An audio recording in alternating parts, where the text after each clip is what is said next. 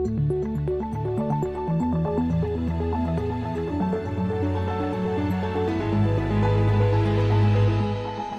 This Morning.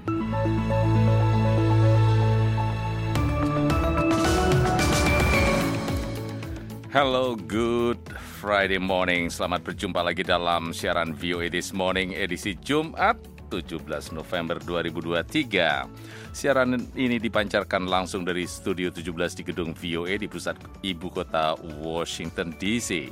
Saya Leona Triana akan mengantarkan siaran ini dan bersama saya kali ini produser Bani Rahayu dan teknisi kami Nicholas Ivanov. Nick, thank you very much for being with us.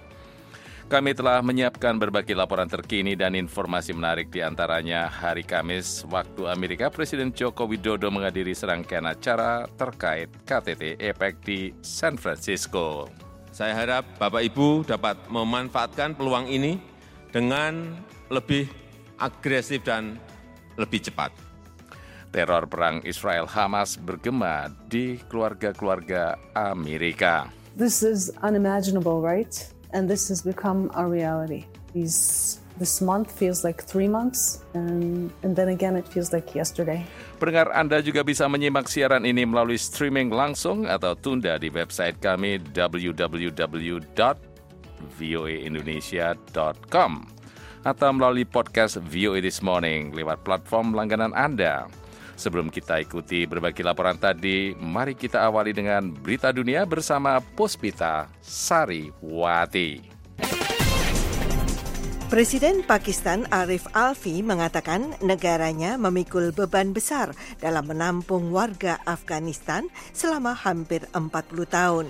Dalam wawancara eksklusif dengan VOA Bahasa Urdu, Alfi membela keputusan Islamabad yang memulangkan warga Afghanistan yang tinggal di Pakistan tanpa dokumen. Ia mengatakan, kami telah memberi perlindungan kepada tiga setengah juta orang selama 30 sampai 40 tahun. Mereka adalah saudara Muslim kami namun sangat berdampak pada perekonomian dan penghidupan kami. Karena ketika semua orang itu mendapat pekerjaan, angkatan kerja di Pakistan berjumlah 80 hingga 100 juta orang. Dari jumlah itu, tiga setengah juta adalah warga Afghanistan jelasnya. Pakistan adalah negara berpenduduk lebih dari 240 juta orang. Meskipun negara di Asia Selatan itu mengalami kesulitan secara finansial selama bertahun-tahun, namun perekonomiannya yang besar tidak mengenakan pajak pada masyarakat Afghanistan yang juga berperan sebagai pemilik bisnis, pedagang, dan buruh. Pakistan menampung lebih dari 4 juta warga Afghanistan dan sekitar 1,7 juta di antaranya tidak mempunyai dokumen resmi untuk menetap. Utusan tinggi Uni Eropa Joseph Borrell menekankan kepada Israel untuk membuat perbedaan antara Hamas dan rakyat Palestina dan tidak termakan oleh kemarahan. Borel berada di Israel hari Kamis dan mengunjungi kibbutz atau pemukiman Israel yang diserang Hamas. Berbicara dalam konferensi pers di Tel Aviv, Borel menyatakan bahwa satu kengerian tidak membenarkan kengerian lainnya. Hamas has to be defeated, but Hamas doesn't represent the Palestinian people. Hamas harus dikalahkan, namun Hamas tidak mewakili rakyat Palestina. Hamas adalah satu hal dan rakyat Palestina adalah hal lain. Kita tahu bahwa perang itu mengerikan. Saya sudah cukup tua untuk melihat banyak tempat mengerikan di dunia yang dilanda peperangan dan tidak jauh dari sini adalah Gaza. Warga sipil yang tidak bersalah termasuk ribuan anak-anak telah tewas dalam beberapa pekan terakhir. Ujarnya, utusan tinggi Uni Eropa itu menyampaikan hal tersebut ketika menjawab pertanyaan wartawan bersama Menteri Luar Negeri Israel Eli Cohen. Ia menambahkan dirinya memahami ketakutan dan penderitaan Israel, namun pada akhirnya keamanan hanya bisa dicapai melalui perdamaian.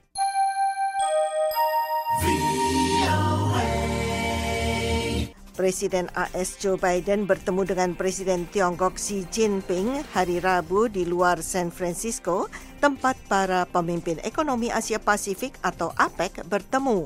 Biden yang masih memandang pemimpin Tiongkok sebagai diktator itu mengatakan keduanya sepakat untuk membangun kembali komunikasi militer, bekerja sama untuk menghadapi ancaman yang ditimbulkan oleh kecerdasan buatan atau AI dan mengambil langkah-langkah penting untuk melawan kecanduan fentanyl pertemuan bersejarah antara Timur dan Barat setelah drama setahun dan diplomasi yang tegang antara Beijing dan Washington. Gedung Putih memilih tempat di luar San Francisco yang simbolis itu dengan mencakup berbagai pembicaraan dengan isu utama termasuk soal Taiwan, pulau dengan pemerintahan sendiri yang diklaim oleh Tiongkok, dimulainya kembali komunikasi militer, perselisihan perdagangan yang sensitif, asal-usul bahan-bahan fentanyl di dalam negeri Tiongkok, dan masalah hak asasi manusia. Presiden Tiongkok Xi Jinping memberi isyarat bahwa Tiongkok akan mengirim panda baru ke Amerika Serikat. Xi menyebut panda sebagai utusan persahabatan antara masyarakat Tiongkok dan Amerika. Dalam pidatonya di hadapan para pemimpin dunia usaha pada hari Rabu, Xi mengatakan Tiongkok siap melanjutkan kerjasamanya dengan AS dalam pelestarian panda. Komentar itu muncul ketika Xi dan Presiden Joe Biden mengadakan pertemuan tatap muka pertama mereka dalam setahun. Pendengar sekian berita dunia, Puspita Sariwati, VOA, Washington.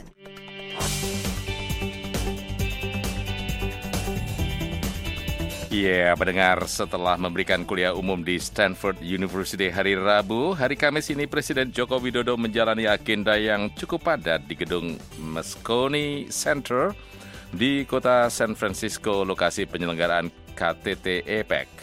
Untuk selengkapnya, Rifan Dwiastono melaporkan dari International Media Center KTT APEC di San Francisco. Pendengar tidak seperti hari Rabu di mana Presiden Joko Widodo lebih banyak berkegiatan di luar agenda resmi KTT APEC. Hari Kamis ini Presiden mengikuti serangkaian kegiatan di Moscone Center, lokasi penyelenggaraan KTT di pusat kota San Francisco, California. Jokowi berpidato di pertemuan tingkat tinggi APEC bagi para pebisnis dan pemimpin ekonomi anggota alias APEC CEO Summit serta melangsungkan sejumlah pertemuan bilateral dan trilateral termasuk dengan Fiji, Papua Nugini, dan Peru di sela-sela KTT. Hari ini para pemimpin negara dan ekonomi anggota APEC juga dijadwalkan akan mengumumkan hasil pertemuan mereka untuk membahas kerangka ekonomi Indo-Pasifik alias IPEF, kerangka kerjasama ekonomi inisiatif Amerika Serikat. Dalam pidatonya di APEC CEO Summit, Jokowi menawarkan kesempatan berinvestasi di Indonesia yang disebutnya memiliki iklim ekonomi dan politik yang stabil serta punya pasar yang besar. Tiga sektor yang diprioritaskan Jokowi yaitu pertama, hilirisasi industri, menyangkut rencana Indonesia membangun ekosistem mobil listrik terintegrasi, apalagi Indonesia pemilik cadangan nikel terbesar di dunia. Kemudian yang kedua, transisi energi mengingat target-target iklim yang harus dicapai. Serta ketiga, pembangunan Ibu Kota Nusantara alias IKN dengan visi menjadi sebuah kota cerdas ramah lingkungan yang inklusif. Berikut pernyataan Presiden Jokowi. Ini adalah waktu yang tepat untuk berinvestasi di Indonesia.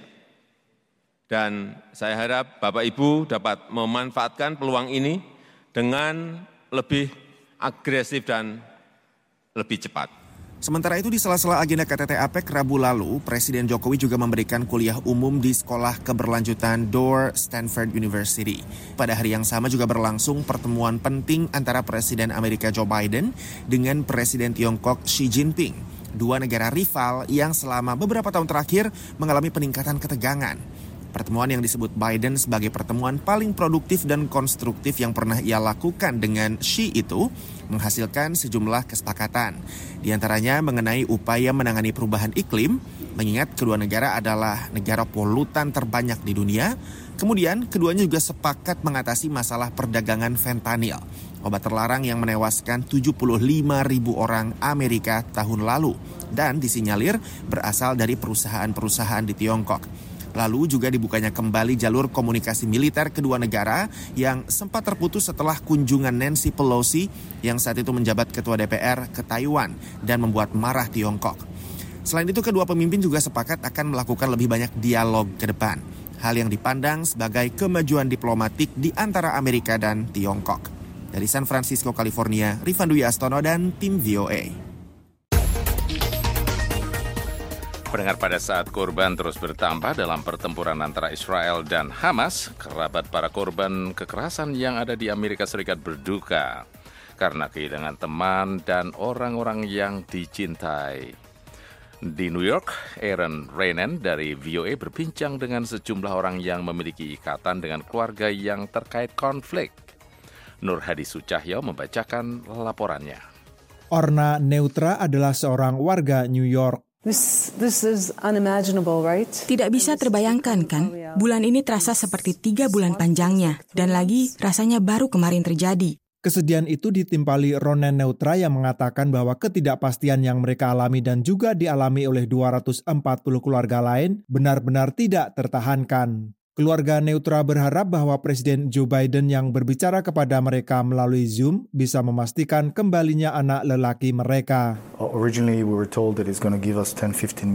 Awalnya kami diberitahu bahwa dia akan memberi kami waktu sekitar 10 hingga 15 menit, tapi dia menghabiskan lebih dari satu jam bersama kami dan betul-betul menyatakan komitmen sepenuhnya dan komitmen penuh pemerintahannya untuk membawa masalah ini ke resolusi. Dan seperti yang dia katakan, ini menjadi prioritas utamanya. Sejumlah orang lain di New York juga harus menghadapi masa-masa sulit. Sami Saban, warga Amerika keturunan Palestina yang menjadi seorang pengacara dan pebisnis dan tinggal di New Jersey, mengatakan bahwa banyak anggota keluarganya yang telah terbunuh dalam penyerbuan Israel ke Gaza dalam beberapa pekan terakhir. So this is my uncle Muhammad who died. Ini adalah paman Muhammad yang meninggal, ini adalah istrinya dan ini adalah seluruh keluarga besarnya.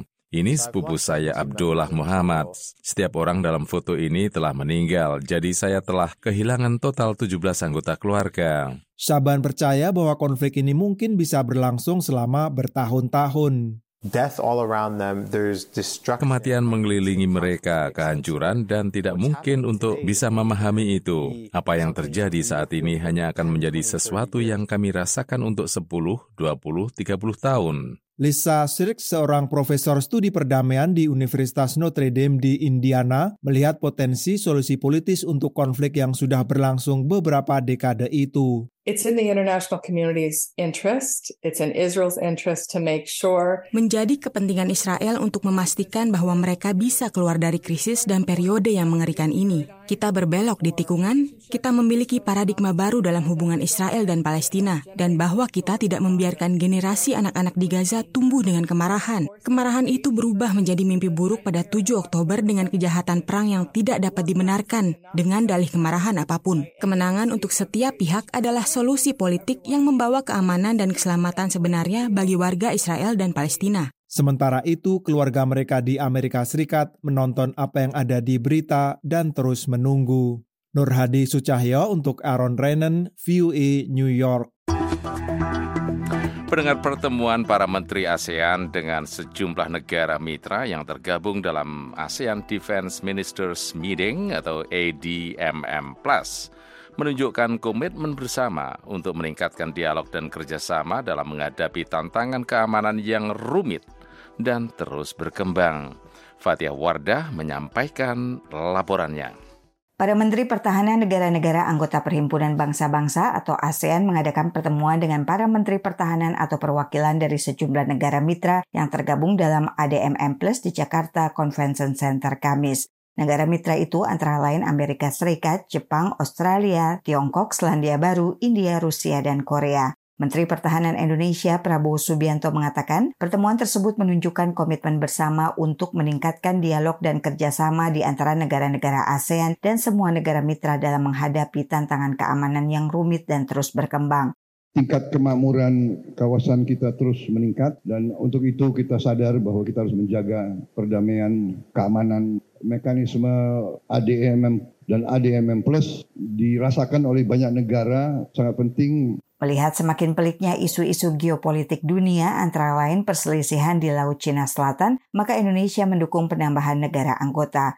Konflik di Laut Cina Selatan beberapa tahun terakhir ini senantiasa memicu perselisihan di antara beberapa negara. ASEAN terus mendorong upaya untuk membuat kode tata perilaku atau Code of Conduct untuk menghindari kemungkinan salah paham atau insiden yang menyebabkan ketegangan di kawasan. Sebelumnya, para Menteri Pertahanan ASEAN secara terpisah juga mengadakan pertemuan dengan Menteri Pertahanan Amerika Serikat Lloyd Austin dan Menteri Pertahanan Jepang Monuru Kihara. Dalam pernyataan tertulis yang dikeluarkan seusai seluruh pertemuan, Menteri Pertahanan Prabowo Subianto menyinggung hubungan ASEAN dengan Amerika dan Jepang yang telah berlangsung dalam berbagai level dan kontribusi besar kedua negara itu dalam menjaga perdamaian dan kemakmuran di kawasan. Pengamat keamanan dari Badan Riset dan Inovasi Nasional atau BRIN Muhammad Haripin menilai pertemuan para Menteri Pertahanan ASEAN dan mitranya berkontribusi untuk memperkuat koordinasi mitigasi resiko keamanan di Asia Tenggara. Meskipun demikian, keberadaan kedua forum itu dinilai belum sepenuhnya berhasil mengatasi masalah sengketa perbatasan maritim di Laut Cina Selatan. ADMM perlu pula memberikan perhatian pada masalah ini dan tidak tertutup kemungkinan untuk mengikutsertakan Amerika dan Tiongkok. ADMM dapat menjadi semacam balancing mechanism di antara forum bilateral atau multilateral sejenis yang diinisiasi Amerika Serikat atau Tiongkok. Dan sejauh ini memang peran itulah yang dimainkan oleh ADMM. Namun seiring tantangan ke depan, kiprah ADMM sepertinya justru lebih dibutuhkan di kawasan. Dari Jakarta, Fatia Wardah melaporkan untuk VOA Washington.